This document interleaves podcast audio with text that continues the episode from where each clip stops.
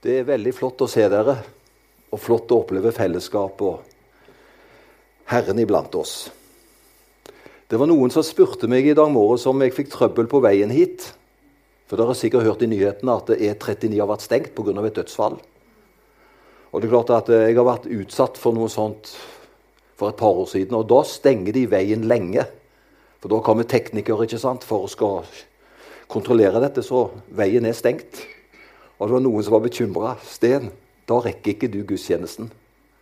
Men vet du hva? Jeg kom i går kveld.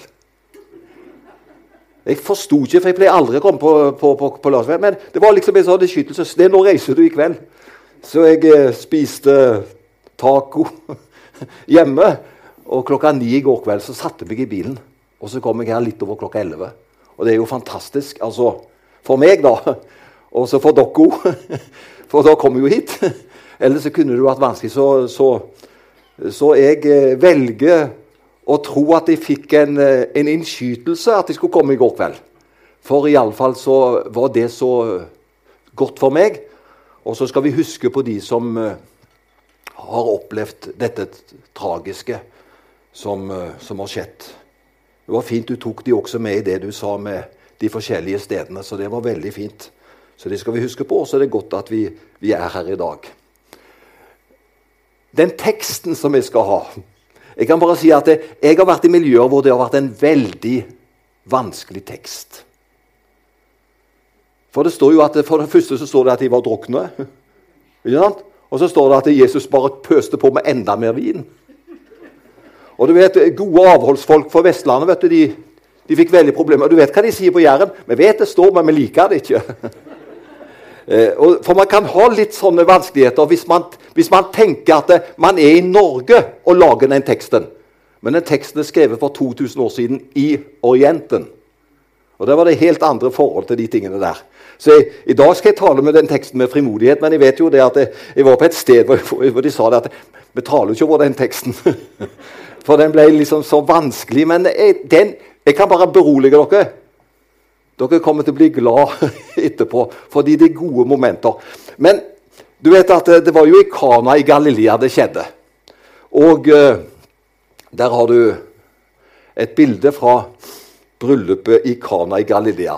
Jeg kjørte på en, vi var på en israelstur i Israel. Ja, jeg var jo på israelstur i Israel, selvfølgelig. Eh, og så sier guiden, mens vi kjører gjennom Kana i Galilea, så sier han at akkurat her går det jo mange historier, for det var her Jesus gjorde vann til vin, sa han. Og så fortalte han om at det var en, en, reiseleder fra Sverige, en prest som hadde hatt med seg en gruppe. Og Så reiste de hjem etter de hadde vært i Israel, og så kom de til flyplassen i Stockholm. Og så tok sikkert presten en sjanse. Han gikk eh, på der hvor det var ingenting å fortolle. Men så ble han stoppet i tollen. Og Så åpna de bagasjen hans og så sier de at ja, men du har, du har mer vin her enn du har lov til. Og så går du på en, ikke sant? Han tok en sjanse, ikke sant? Hvem kan ikke det? Og da sier presten ja, men da må det ha skjedd et under igjen, sa han. For jeg har kommet gjennom Kana i Galilea, og da var det vann på flaskene, sa han. Så jeg kan ikke forstå at det er blitt til vin nå, sa han. Men det var kanskje han har gjort det igjen, sa han. Så da kom man jo seg på en måte gjennom det. Og så er det masse historier som er lagd ut ifra det som er teksten vår i dag. Men nå skal jeg være helt seriøs herifra og til mål. Er det greit? Jeg har lagt overskrift, eller satt en overskrift Jeg har kalt det for 'Den nye vinen'. Du skjønner, Den vinen Jesus lager, den er bedre enn det mennesker kan lage. Det var jo den beste de opplevde, de, ikke sant? Hvorfor har du gjemt den beste til slutt? Det er jo ikke vanlig. Man starter med den beste. Men den nye vinen som Jesus lager, er alltid den beste. Det er tre ting som vi skal innledningsvis legge merke til i teksten, for den ble jo lest nå. Og Det første vi skal legge merke til med teksten i Johannes 2, det er når hendte det? Det er noen sånne sant, stikkord som kan åpne en Når hendte det? Og det har vi jo allerede fått understrekt. Det hendte i et bryllup. Jeg tror Jesus likte seg i bryllupsfester. Jeg har hatt eh, ref refleksjoner på Petro den uka som ligger bak oss nå. Jeg er der inne regelmessig, og da er det søndagens tekst du skal ha refleksjoner om hver dag de fem dagene før søndagen. Så jeg har hatt denne teksten på, på Petro den uka som ligger bak. Og da sa jeg på dette punktet Jesus har aldri vært en gledesdreper.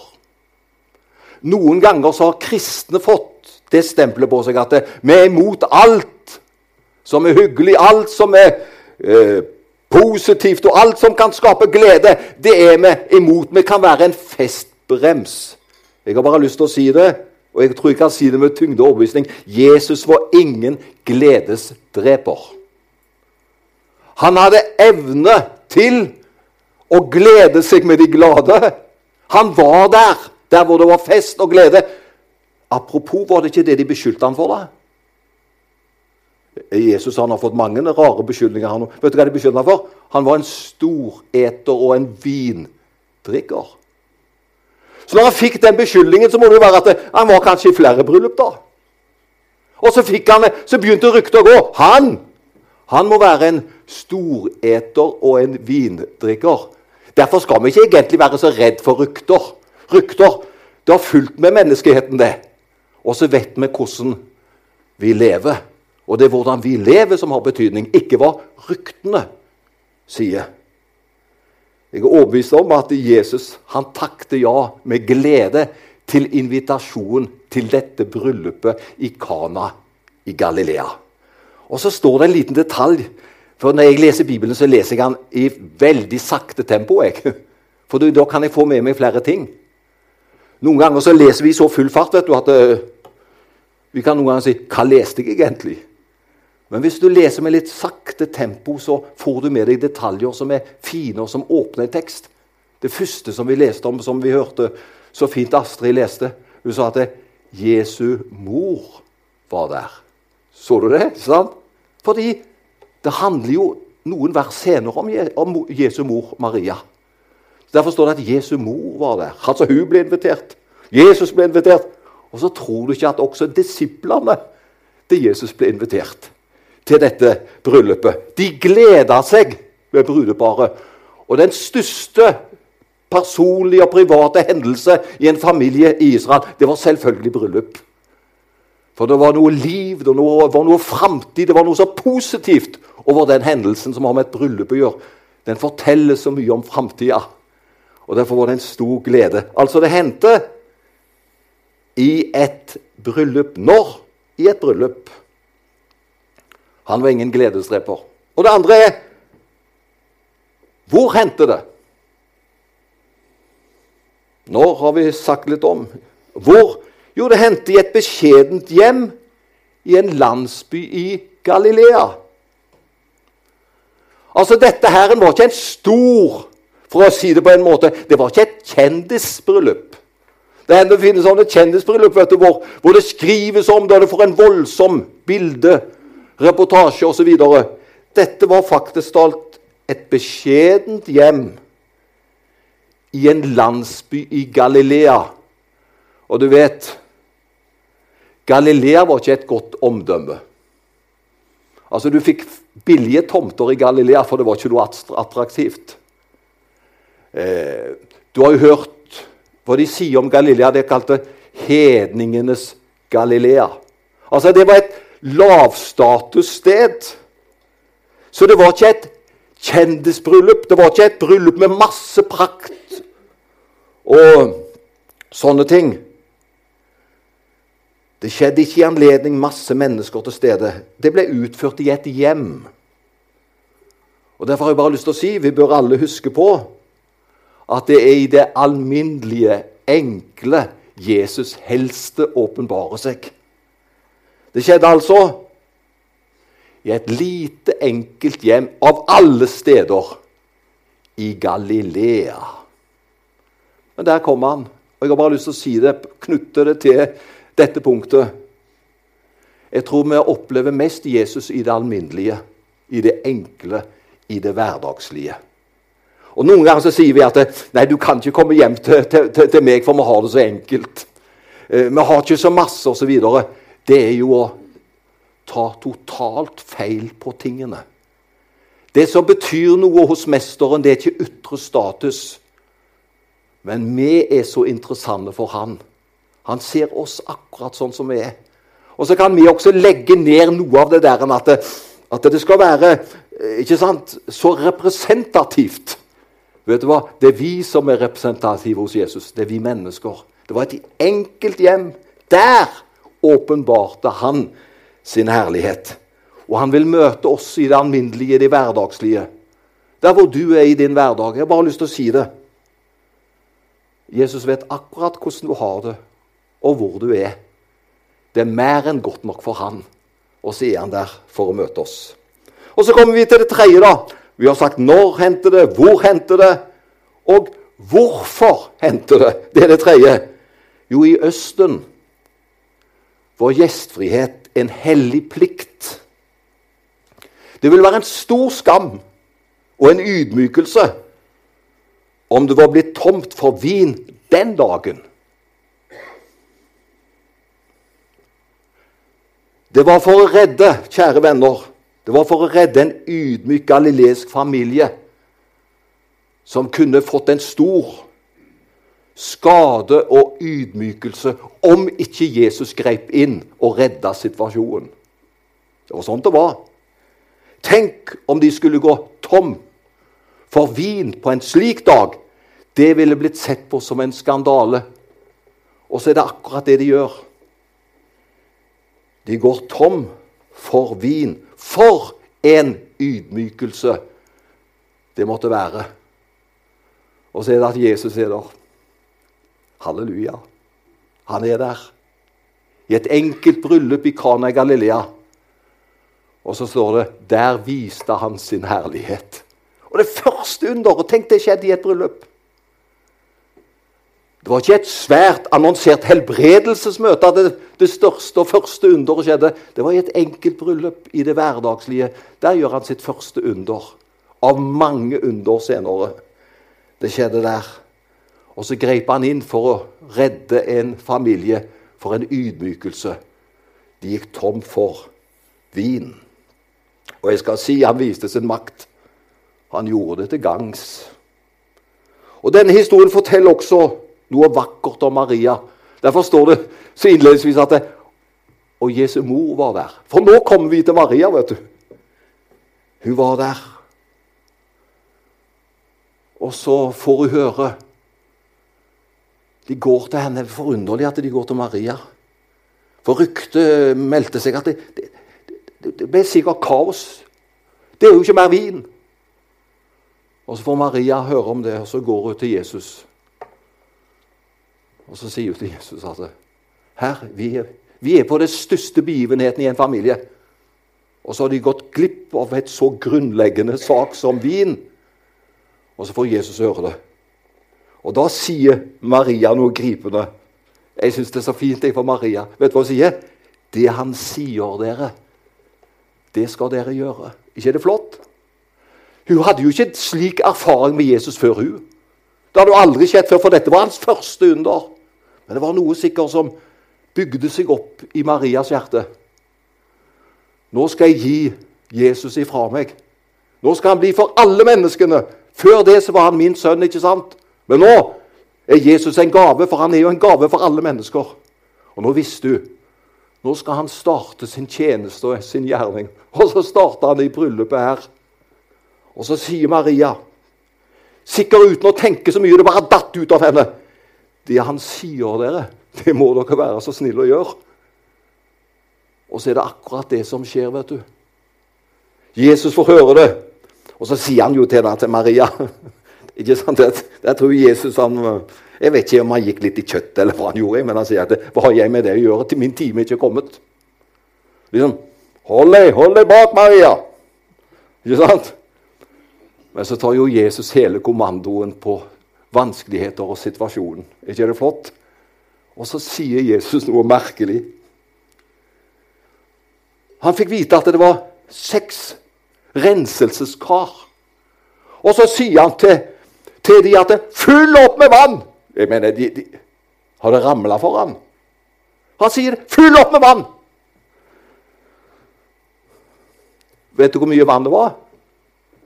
Ja, Nå må vi holde oss fast. 800 liter til sammen.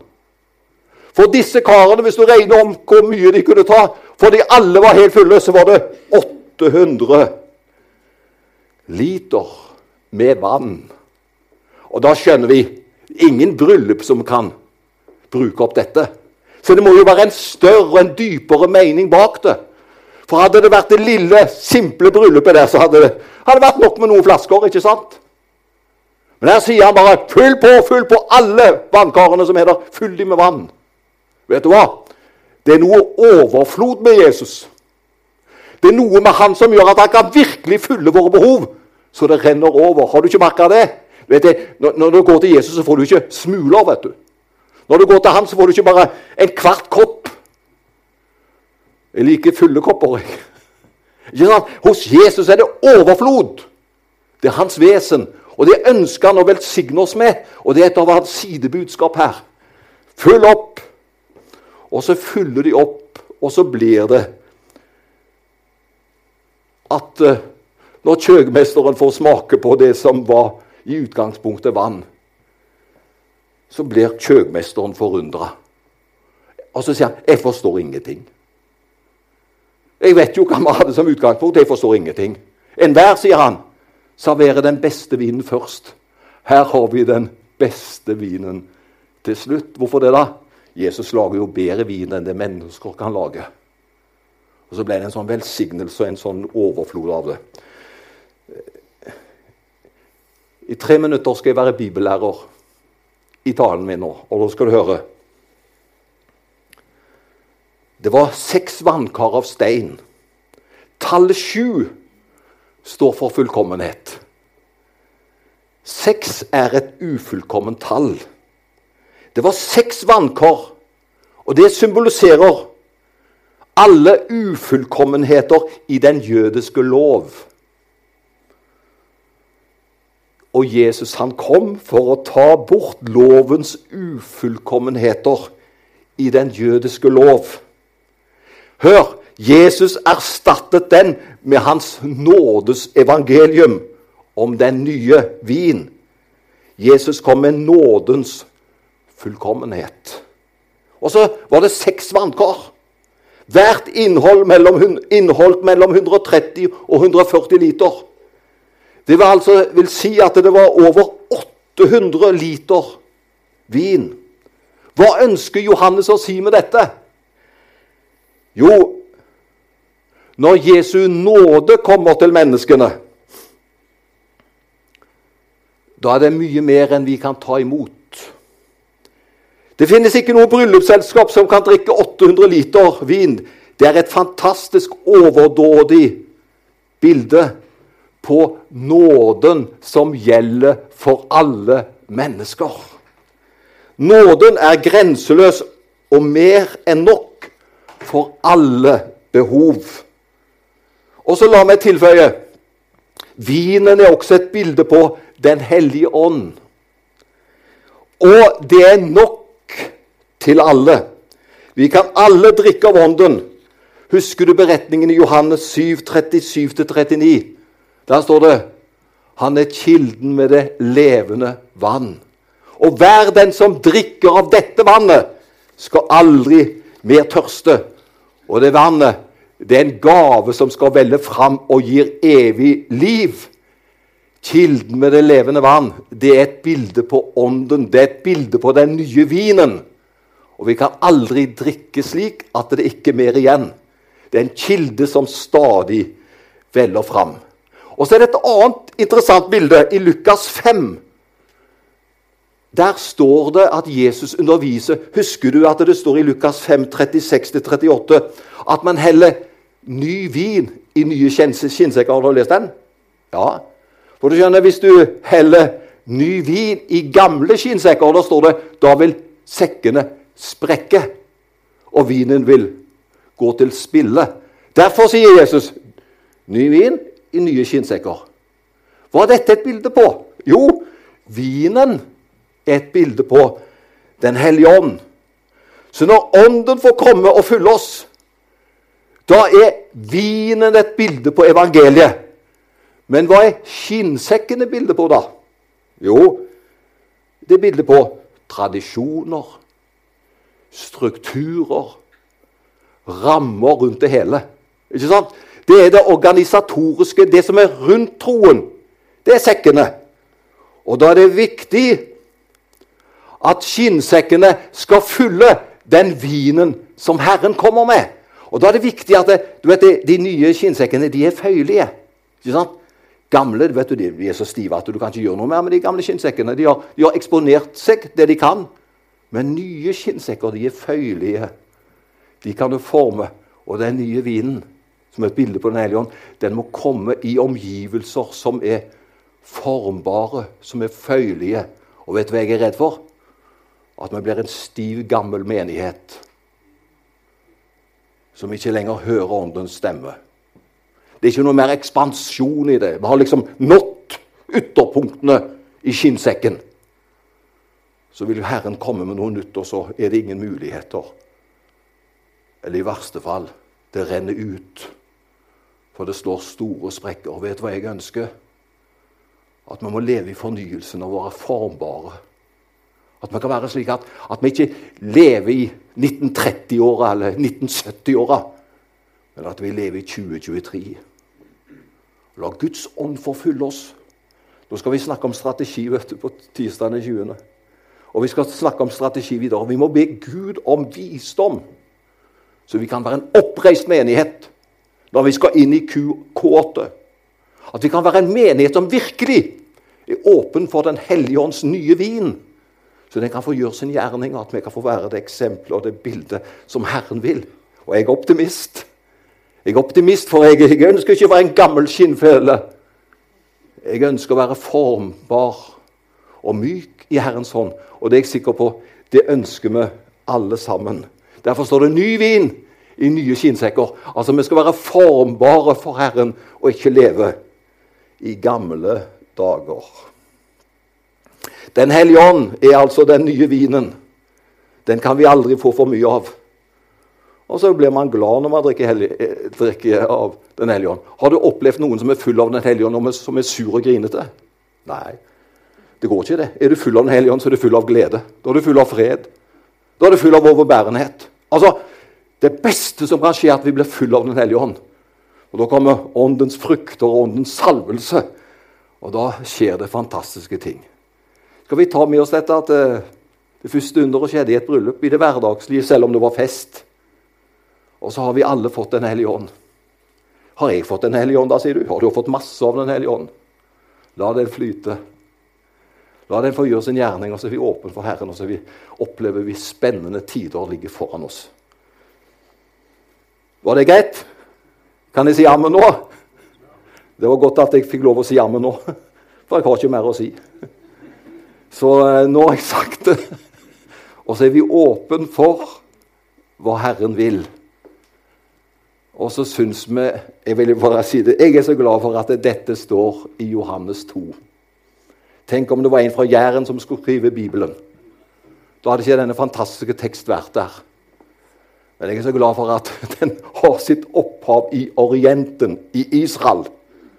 Og så kan vi bli ja, Du som er 100% avhold, nå skal du få et godt ord så du kan få god samvittighet for. Det står 'Drikk dere ikke drukk av men bli fulgt av Ånden'. Det er det vi skal. Bli fulgt av Ånden. Og så skal vi være, være kloke. Og husk Jesus har aldri vært en festbrems. Herre, vi takker deg. Vi lover ditt navn. Takk at du hadde omsorg, Jesus, for dette bryllupet, som kunne gått, gått imot en skandale. Men så redda du det, Herre. Og du har redda så mange menneskers liv fordi du er den du er. Og Jeg ber om at du skal være med oss, Herre, slik som bare du kan være med oss. Og hjelp oss, Herre, at vi kan være full av den nye vinen. At vi kan være full av din herlighet. Og så er du så god mot oss. Velsigne oss. Og så ber vi også for de som er syke, de som sliter med helsa si. Vær hos de, Herre. Takk for din godhet. I Jesu Kristi navn. Ære være Faderen og Sønnen og Den hellige ånd, som var, er og blir en sann Gud fra evighet og til evighet. Amen.